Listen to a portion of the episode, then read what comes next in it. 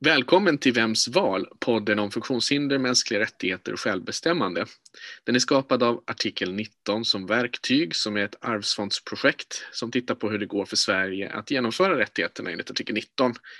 Jag heter Ola Linder, är projektledare och jurist och idag har vi med oss Jamie Bolling som är Independent Living Institutes verksamhetsledare och aktiv i Independent Living-rörelsen sedan början av 90-talet. Och eh, inte minst så har vi också med oss en gäst idag som är Åsa Stralemo, ny förbundsordförande för DHR.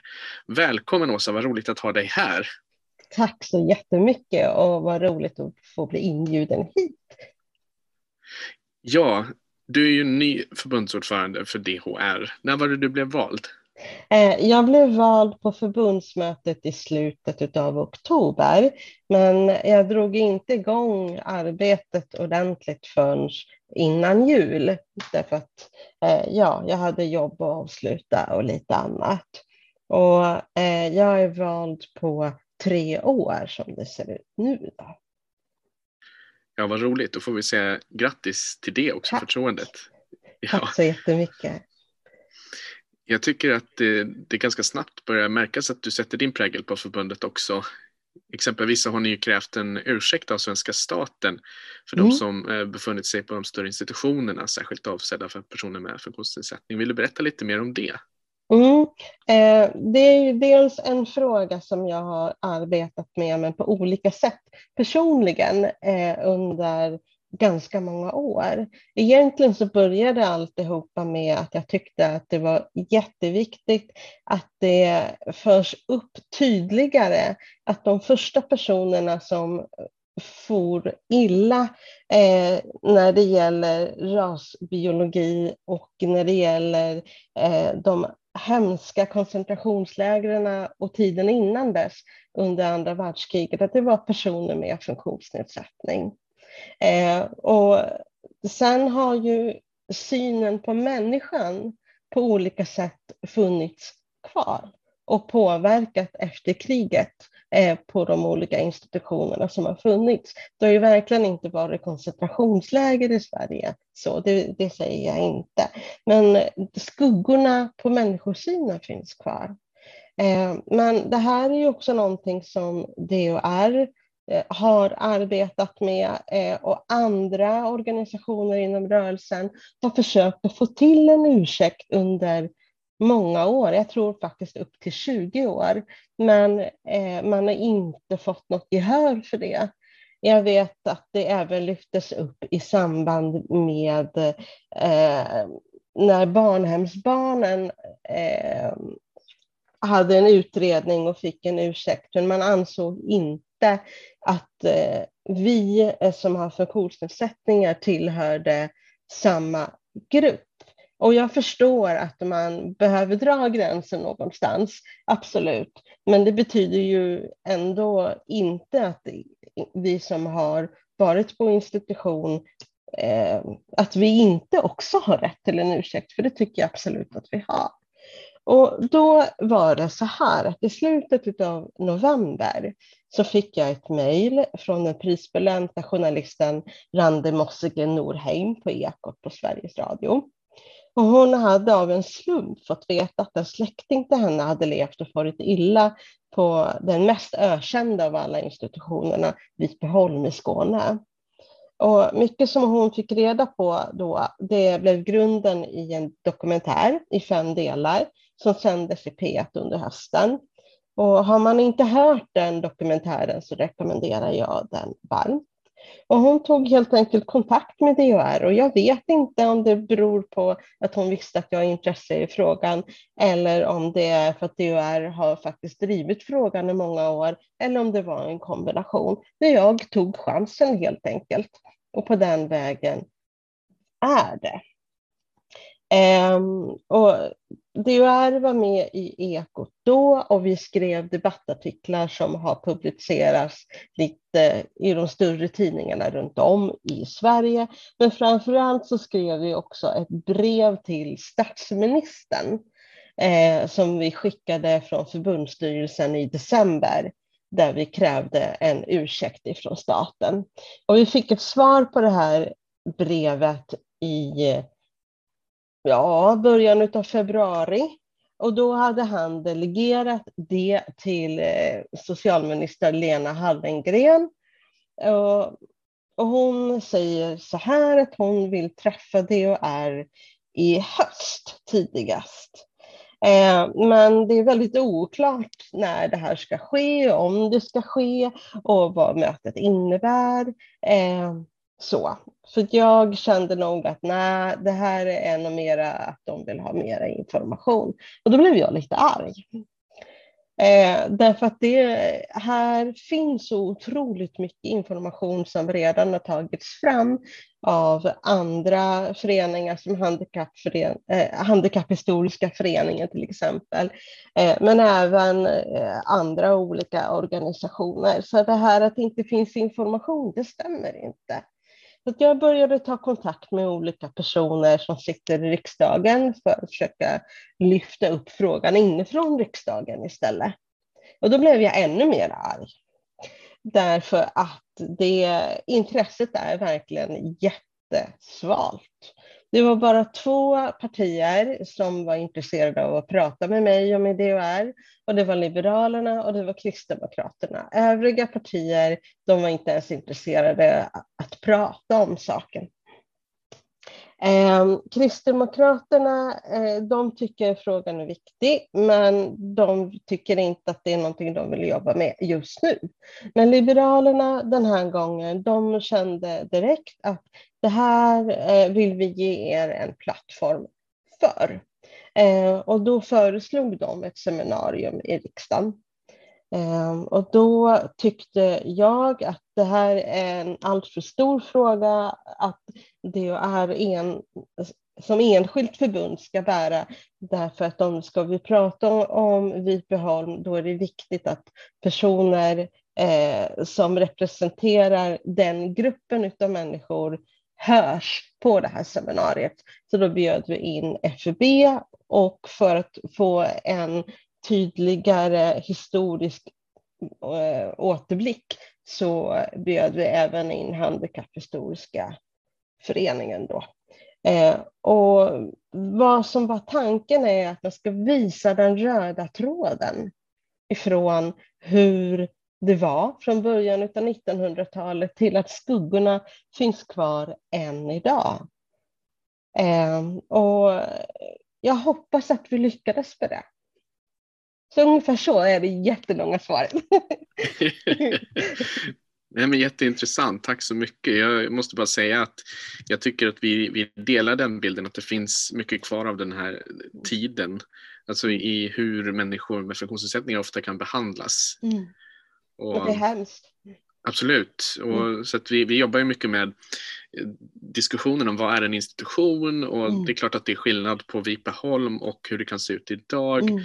Men samtidigt så är vi också väldigt intresserade inom independent living just av vad är det som en institution betyder och framförallt mm. vad är det människor har rätt till i form mm. av att ha ett självbestämt liv och kunna leva i samhällets gemenskap. Och mm. Då spelar ju kanske inte storleken på byggnaden så fruktansvärt stor roll utan mer avsaknaden av kontroll är lite kanske mer abstrakt men ändå rättighetsbaserad eh, approach till det här med institutioner. Vad säger du om det?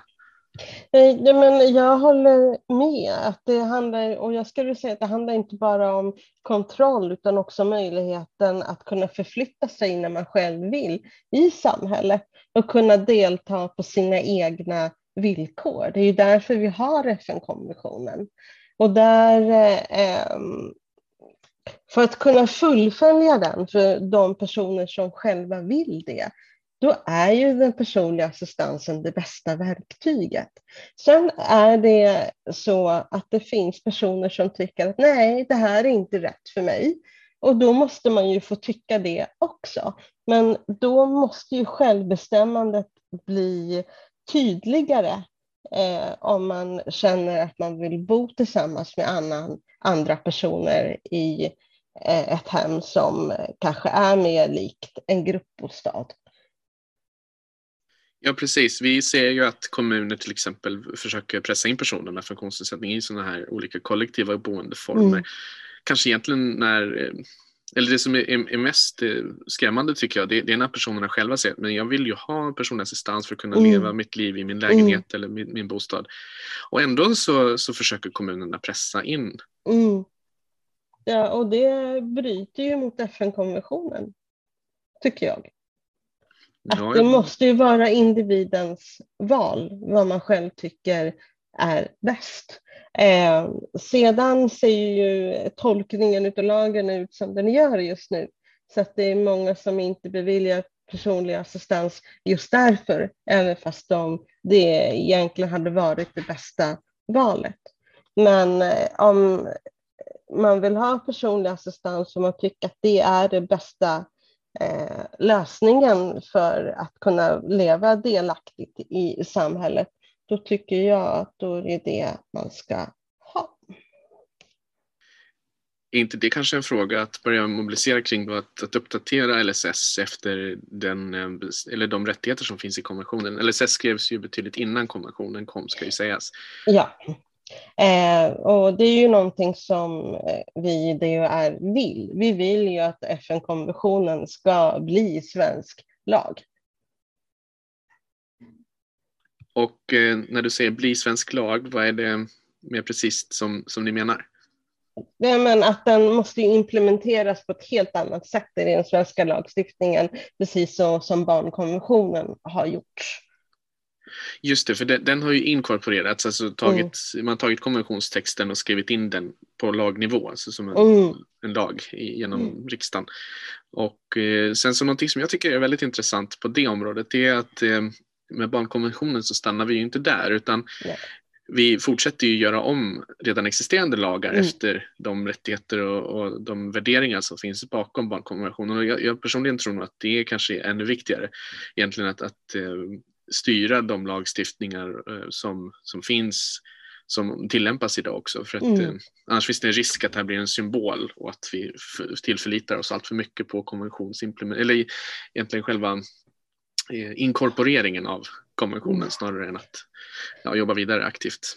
Det är ju mycket det som behöver komma till, att vi måste ifrån alla fina papper eh, och alla orden som står på papper, utan det måste ner till människornas liv i vardagen och synas att vi följer FN-konventionen. Och det är egentligen det som jag är ute efter. Ja, mycket intressant. Jag kan tipsa om lördagsintervjun för några veckor sedan med eh, Pernilla Leviner som forskar i barnrätt. Mm. Där hon diskuterade en del kring vad effekten har blivit av inkorporeringen. Då. Så där, mm. Jag tyckte det blev tydligt att man måste jobba på flera fronter och mm. inte bara inkorporera och sen släppa utan det gäller att jobba aktivt. Nej, jag ser ju det som ett första steg, inte som eh, ett enda steg. Men man måste börja någonstans för det här kommer att ta tid. Ja, verkligen. Parallellt med allt det här så har ju EU-kommissionen också tagit fram ett förslag på strategi för mm. hur konventionen ska genomföras i EU och eh, det bygger ju mycket på att medlemsstaterna ska göra ganska mycket också. EU har ju ganska mm. begränsad kompetens på många av områdena. Eh, jag vet inte om du har haft en chans att titta på den eller så. Den handlar ju mycket om just den här rätten till självbestämt liv och, och arbetsmarknad. Eh, jag har tyvärr inte annat, eh, hunnit med annat än att titta på den väldigt övergripande. Men eh, jag tycker att det är bra ändå att det görs ett samlat grepp på EU-nivå. Därför förhoppningsvis så leder det till eh, att frågorna diskuteras på ett annat sätt eh, och att eh, man följer de riktlinjer som är på ett annat sätt. Eh, och sen tror jag också, eller jag hoppas i alla fall, eh, att i och med att det finns en tyngdpunkt på arbetsliv och på sysselsättning, att det diskuteras mer. För är det någonting som vi ser så är det ju att eh, eh det går bakåt när det gäller eh, privatekonomi, när det gäller eh, skola och utbildning och när det gäller Eh, Eh, att hitta sin plats i samhället när det gäller arbete eller sysselsättning. För de allra flesta personer så är ju att ha någonting att göra om dagarna som känns meningsfullt något av det viktigaste som finns. Och, det är ju grundbulten i det svenska samhället. När man träffar någon för första gången, då frågar man ju ofta eh, vad gör du? Vad jobbar du med? Därför ja, är det verkligen. så otroligt viktigt. Jamie, jag vet att du har jobbat mycket med EU-frågor. Har du någon tanke om den här prioriteringen som kommissionen gör? Jag tyckte det var intressant som du sa, um, vad heter Åsa, att man lyfter frågor. Man har sett hur man har lyft independent living och då lyfts den på allas agenda på något mm. sätt. Sen måste man akta på vad de menar med självbestämmande, när man får ha självbestämmande och sånt. Så man får vara som med independent living, den finns väldigt högt på många, uh, många agendor. Men sen om man pratar om personlig assistans, vad menar de med personlig assistans? Det kan vara man får stöd i en, i en institution och det är mm. personlig assistans, mm. vilket det inte är för oss. Så jag tycker det är väldigt bra att man har självbestämmande, för det är, det är viktigt att man lyfter frågorna, diskussionen um, förs bland så många aktörer som möjligt. Men att vi ska vara aktsamma också för att se hur det utvecklas. Men också som du sa, det det går bakåt. Jag mm. pratade med en företag häromdagen, som vi tittade på att göra ett projekt om arbete som, som skulle vara en partner med oss. Och de sa, men det är så tufft nu. Mm. Man kan tänka sig, okej, okay, de har som målgrupp människor med funktionsnedsättning eller någon bristande funktionalitet som vi brukar använda. Men de säger att det är tufft och man kan tänka sig med corona, det kommer inte bli lättare. Mm. Ju, ju längre corona går kommer arbetsmarknaden vara svårare för de som är längst ifrån och det är människor med olika typer av funktionsnedsättningar. Mm. Som finns långt ifrån om det är kognitiv eller sin eller ja, rörelse, vad det är. Händer. Men samtidigt så tänker jag eh, att en av de få bra sakerna med den här pandemin är ju att det har blivit mer accepterat att arbeta på distans hemifrån och med digital teknik. Mm. Och förhoppningsvis så kan det göra att vissa trösklar sänks eh, i alla fall till att kunna få ett arbete eh, eller en sysselsättning det är min förhoppning i alla fall att eh, vi måste se öka mångfalden även där. Att hur kan ett arbete se ut? Vad är en arbetsplats? Eh, så måste man alltid sitta på ett kontor? Mm. Nej, vi, har, vi ser det, vad du säger. Och vi har flera personer som är med i olika möten. Jag tror det är flera mm. som, har, som har erfarit det. Som Stil säger, det är mycket fler som kommer på medlemsmöten, för man behöver inte ta den där resan som kan vara otillgängligt, men då blir mm. den här balansen att mm. ett samhälle blir tillgängligt och mm. inte, ja, men du kan jobba hemifrån eller du kan rösta elektroniskt. Du behöver mm. komma in, inte komma in i den där skollokalen som är otillgänglig.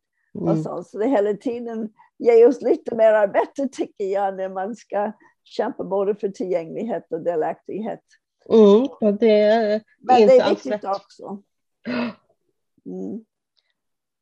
Att det är fler som får sina röster hörda och kan komma. Mm. Det, är, det är roligt.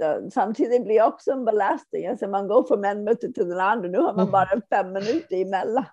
Ja, ja, det, så är det. Att vi behöver ju prata arbetsmiljö på ett helt annat sätt Eh, för att digital arbetsmiljö tror jag inte ens att det finns några riktlinjer till.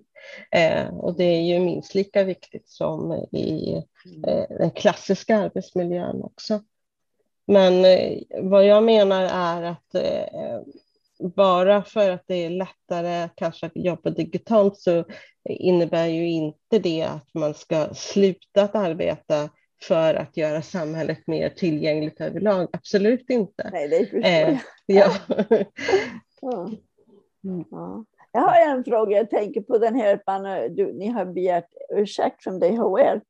Hur, gör de det eller vad, vad, vad händer om de inte gör det? Vad, jag undrar, jag har inte riktigt sett sådana processer så mycket.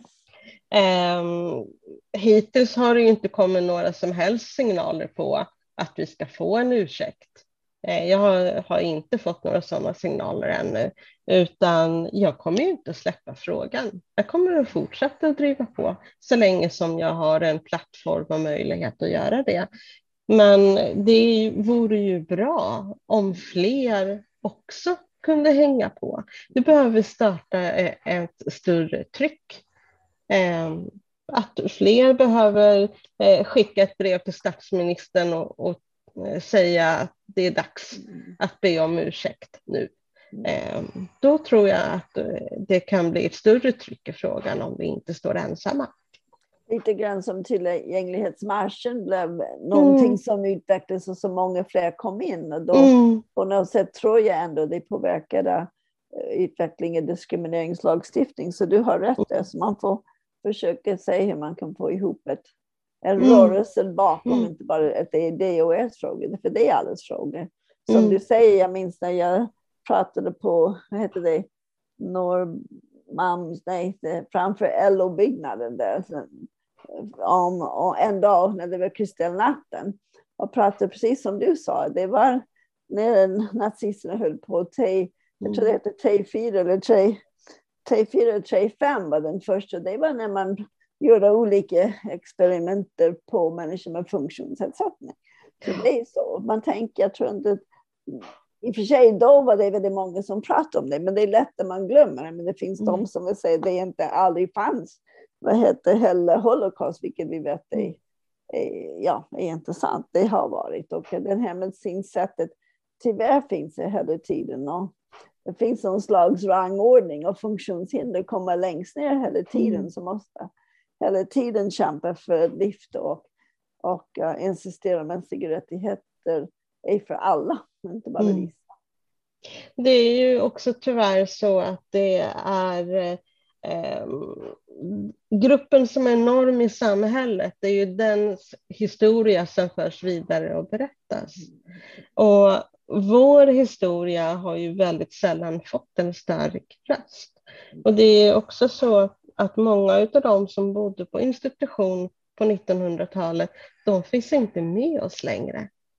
Men berättelserna finns kvar eh, och de måste föras vidare Därför att om vi inte förstår varför saker och ting ser ut som de gör, då kan vi ju inte heller ändra på rötterna så att det blir annorlunda.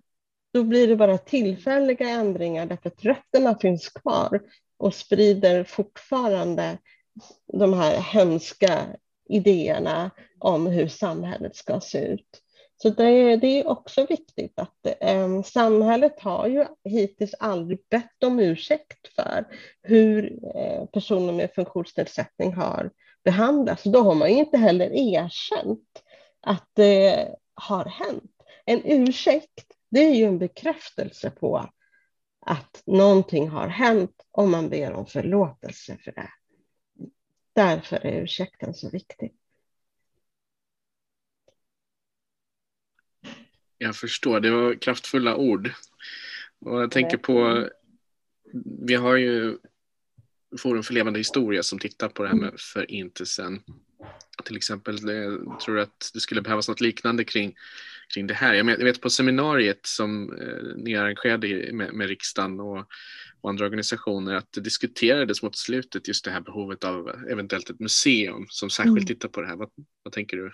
om det? Ja, eh, det vi i DHR säger är att ursäkt är viktigt och också att eh, på något sätt föra vidare så att det här inte händer igen. Men vi har inte sagt på vilket sätt det ska vara. Det kan vara en minnesplats, det kan vara ett museum, men eh, det kan vara någonting annat. Det kanske behövs utredas vad som är det bästa sättet att göra det på. Eh, men det som är viktigt att komma ihåg det är att de här människorna de eh, levde och de dog och begravdes ofta anonymt. Att de får inte glömmas bort. Att de får, och då, då tycker jag att någon slags minnesplats är viktig. Eh, men även att kunskapen förs vidare och då kan museum kanske vara en bra lösning på att både minnas och lära sig så att det inte händer igen. Till exempel den här vitboken som handlar om hur svenska staten har behandlat romer. Mm. Den är ju väldigt också kraftfull och mm. välskriven. Jag minns det var en person som representerar gruppen som sa till mig att känner du till den här vitboken? Och sa att ja, jo det gör jag nog. Men hur, hur, hur många personer tror du känner till den? För den har ju inte skickats ut i tryckt form till svenska folket. Så det är väldigt eh, få som känner till den. Mm, jag tror också att det är väldigt få som känner till den, utan det är nog eh, Eh, personer som på olika sätt jobbar för mänskliga rättigheter och att det ska stärkas, som i bästa fall känner till den. Eh, och jag tycker ju att det blir väldigt tråkigt när det görs väldigt bra dokument eh, och sedan så hamnar det på en hylla.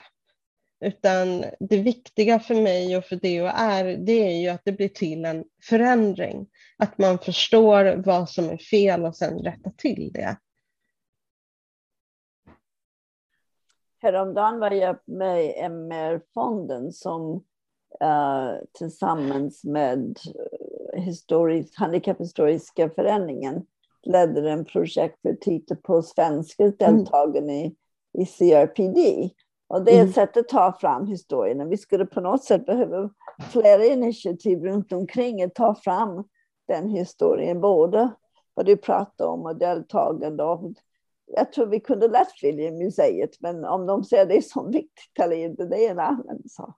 Allt från hur rullstolar såg ut förr i tiden och hur de ser ut idag. Mm.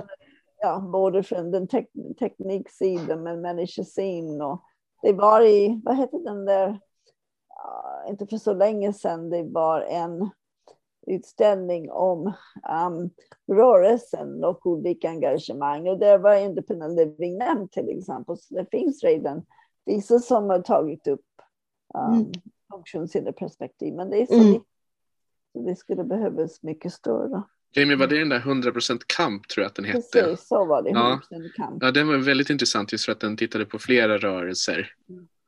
Och den kunde man fortsätta med att ha i den, i den museet. Det fanns en funktionshinderperspektiv på den. Mm. Till exempel. För det, vissa av de här sakerna kommer att gå så fort så det är inte så många som får se det. Men om man hade museet som blev kvar då skulle man kunna göra det här till en levande minne. Mm.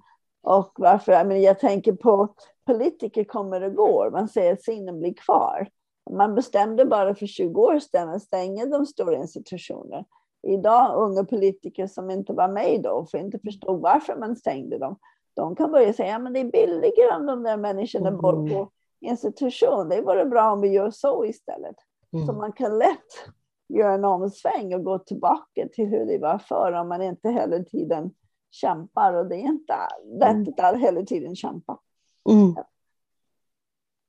För grunden i alltihopa, det är ju egentligen äh, diskussionen vem är en människa?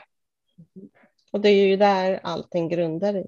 Och säger vi att alla människor har samma rättigheter, då måste vi ju mena det också. Verkligen. Vi är ju inne i en process nu eh, politiskt med att eh, instifta ett institut för mänskliga rättigheter. Mm. Och där vet jag att DHR jobbar för den frågan mm. också med, med många i breda civilsamhället vad har du för förhoppningar på den? Kan, kan den ha en funktion och roll i allt det här vi pratar om nu? Ja, förhoppningsvis så kan den det, men jag tycker och DHR tycker att det är väldigt viktigt att eh, det här institutet blir oberoende. Det ska inte hänga på vilka politiker det är som råkar sitta vid makten just nu, utan de måste ha en oberoende ställning. Eh, och det gör ju kanske också att eh, det blir en ny typ av myndighet och det tycker jag är lite spännande eh, och bra. Att då kanske det kan arbetas med mänskliga rättigheter på ett annat sätt än vi har sett i Sverige. Eh, sen tycker nog inte jag eh, att, eller jag har väl inte tagit slutgiltig ställning, men jag lutar åt att jag tycker inte att eh, institutet ska driva enskilda fall, utan däremot så måste man eh, jobba för att se mönster och för att implementera på ett praktiskt sätt eh, att mänskliga rättigheter följs. Alltså så att det blir mera handling och inte bara papper. Ja, det, den där diskussionen har ju pågått också om den ska ha mandat och möjlighet att kunna pröva enskilda klagomål och driva mm. enskilda fall. Det har ju nu sen de senaste turerna, i vart fall i det förslag som har lagts nu, varit tydligt att det ska inte ingå. Mm. Så att just nu är det i alla fall inte en, en fråga som är aktuell. Det kanske är någonting som återkommer längre fram. Men den ska ju, om, om den röstas igenom nu, det är väl det som är förhoppningen, att riksdagen mm. faktiskt accepterar den här propositionen och låter myndigheten byggas upp och börja arbeta i lugn och mm. ro systematiskt och skapa samverkan mellan civilsamhälle, akademi, rättsväsende och och staten på det här sättet som, som jag också tror är väldigt viktigt för att mm. systematiskt och, och, inte, inte glömma bort vad som har sagts och att det finns just ett institutionellt minne. Det blir lite paradoxalt att prata om institutioner på det sättet kanske just när vi riktar kritik mot institutioner för personer med funktionsnedsättning. Men... ja, men det kanske kan bli ett exempel på en god institution då. Eh, men framförallt så är det ju någonting nytt. Eh, och jag tror att det är väldigt viktigt att det blir en öppen process eh, och att det utvärderas under tiden eh, så att man märker tidigt om något går åt fel håll som inte gör nytta, att man då eh, kan rätta till det. Och därför är det ju då jätteviktigt med dialog, inte bara till, in till riksdagen utan Eh, med de grupper som kommer att eh, arbeta ihop med eh, den här nya mänskliga rättighetsinstitutionen. Verkligen, vi har pratat om många viktiga saker. Det låter som att DHR nu under tiden framöver kommer prioritera den här ursäkten. Det kommer prioriteras mm. frågor om arbetsmarknad mm. och även mänskliga rättigheter i bred bemärkelse. Finns det någonting annat som är på DHRs agenda just nu? Eh, ja, vi, eh, ja men ekonomi överhuvudtaget, hälsa.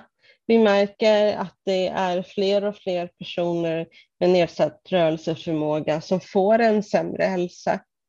Eh, och eh, det beror ju på många olika saker och det gör ju det inte heller bättre att eh, det blir dyrare och dyrare att leva om man har en funktionsnedsättning. Det nya inne-saken tyvärr verkar vara nu att lägga olika avgifter på hjälpmedel, eh, att det sprider sig som en farsot i landet. Och för väldigt många personer som kanske har eh, ja, ungefär 7000 kronor efter skatt att leva på per månad.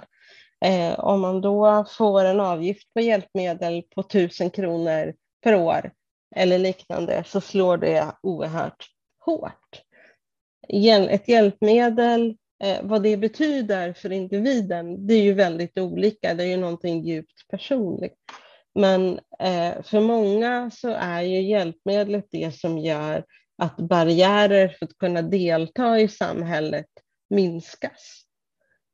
Och då att behöva betala för att delta i samhället när det är samhället som sätter upp hinder, det tycker jag är väldigt fel. Ja, jag förstår. Det jag, jag, har också reagerat på det här och det, det, känns som det är många olika, det är fel att säga små, men det känns som att det är många små, relativt sett, eh, saker och ting som, som introduceras här. Att det, det, kostar att använda hjälpmedel, det kostar att parkera på mm. platser och, och att eh, bos, eller in, inkomstutvecklingen inte följer med egentligen kostnadsutvecklingen i övrigt också. Mm. Att, att det, det, blir svårare för människor som inte har en inkomst via arbete till exempel eller, mm. eller för den delen socialförsäkringen. Vi, vi ser mycket av det i vår verksamhet, att människor mm. har ekonomiskt svårt idag. Mm. Verkligen, och det, det tänker jag är en prioriterad fråga att titta vidare på för det, mm det är inte rimligt att människor ska hamna i, i fattigdom. Nej. Jag håller helt och hållet med. Så det är en fråga som vi arbetar med. Men det som ligger närmast för mig nu i april det är att jag ska delta på hjälpmedelsriksdagen till exempel. Att hjälpmedel är ju någonting som är otroligt viktigt för väldigt många för att få vardagen att gå ihop. Ehm, så är det. Vad var det för någonting du sa? Hjälpmedelsriksdagen? Hjälpmedelsriksdagen, ja. Eh, det är eh, en del utav eh, Leva och fungera som är en hjälpmedelsmässa som brukar gå vartannat år. Men i år så blir det då istället helt digitalt. Och då har man valt att dela upp det. Vanligtvis så är eh, Leva och fungera i tre dagar. Eh, men nu har man delat upp det så att hjälpmedelsdelen som inte gäller tal, eh, kommer att vara i en hjälpmedelsriksdag. Så det är ett digert program och det är gratis att delta. Om man går in på hjälpmedels, hjälpmedelsriksdagen tror jag det är, .se eh, så kan man läsa mer. Och sen de övriga två dagarna då kommer det vara fokus på personer som eh, har, behöver hjälp med tal på olika sätt och talhjälpmedel om jag förstår det rätt. Eh, jag är inte riktigt lika insatt i den delen så att jag ska, kan inte prata så mycket om just det. Men hjälpmedelsriksdagen kommer jag och många andra att delta i. Nej, men det var spännande, den kände jag inte till. Och du beskrev det så att jag förstod lite mer i alla fall. Eh, jag tror att vi börjar komma till en punkt där vi kan runda av. Är det någonting annat du skulle vilja lägga till eller säga nu när vi kommer mot slutet? Eh, håll i, håll ut. Eh, att det är eh, jättetråkigt att eh, pandemin fortfarande pågår, att det dröjer för så väldigt många att få sitt vaccin. Men att jag hoppas ändå att vi alla kan hjälpas åt och se ett ljus långt där borta i, i tunneln att det är viktigare än någonsin att vi samarbetar mellan olika organisationer och människor emellan. För det är enbart så vi kan skapa förändring. Så tack för att jag fick komma hit. Tack så jättemycket för att du kom hit. Det var väldigt intressant att diskutera flera saker med dig och det är ju ett sätt som fungerar i de här tiderna när vi inte ska träffas. Så mm. Ett utmärkt sätt att lära känna varandra lite mer och samverka mellan organisationer. Jag håller helt och hållet med. Ja. Jättespännande. Lycka till och fortsätt. Jag ser fram, fram emot att se det och er utveckling. Så, Tack så jättemycket. Vems val och vem är människa? Det är två saker vi har sagt idag. Så. Mm. Mm. Då ska vi säga tack till lyssnarna. Ha det så fint. Ja, tack så mycket.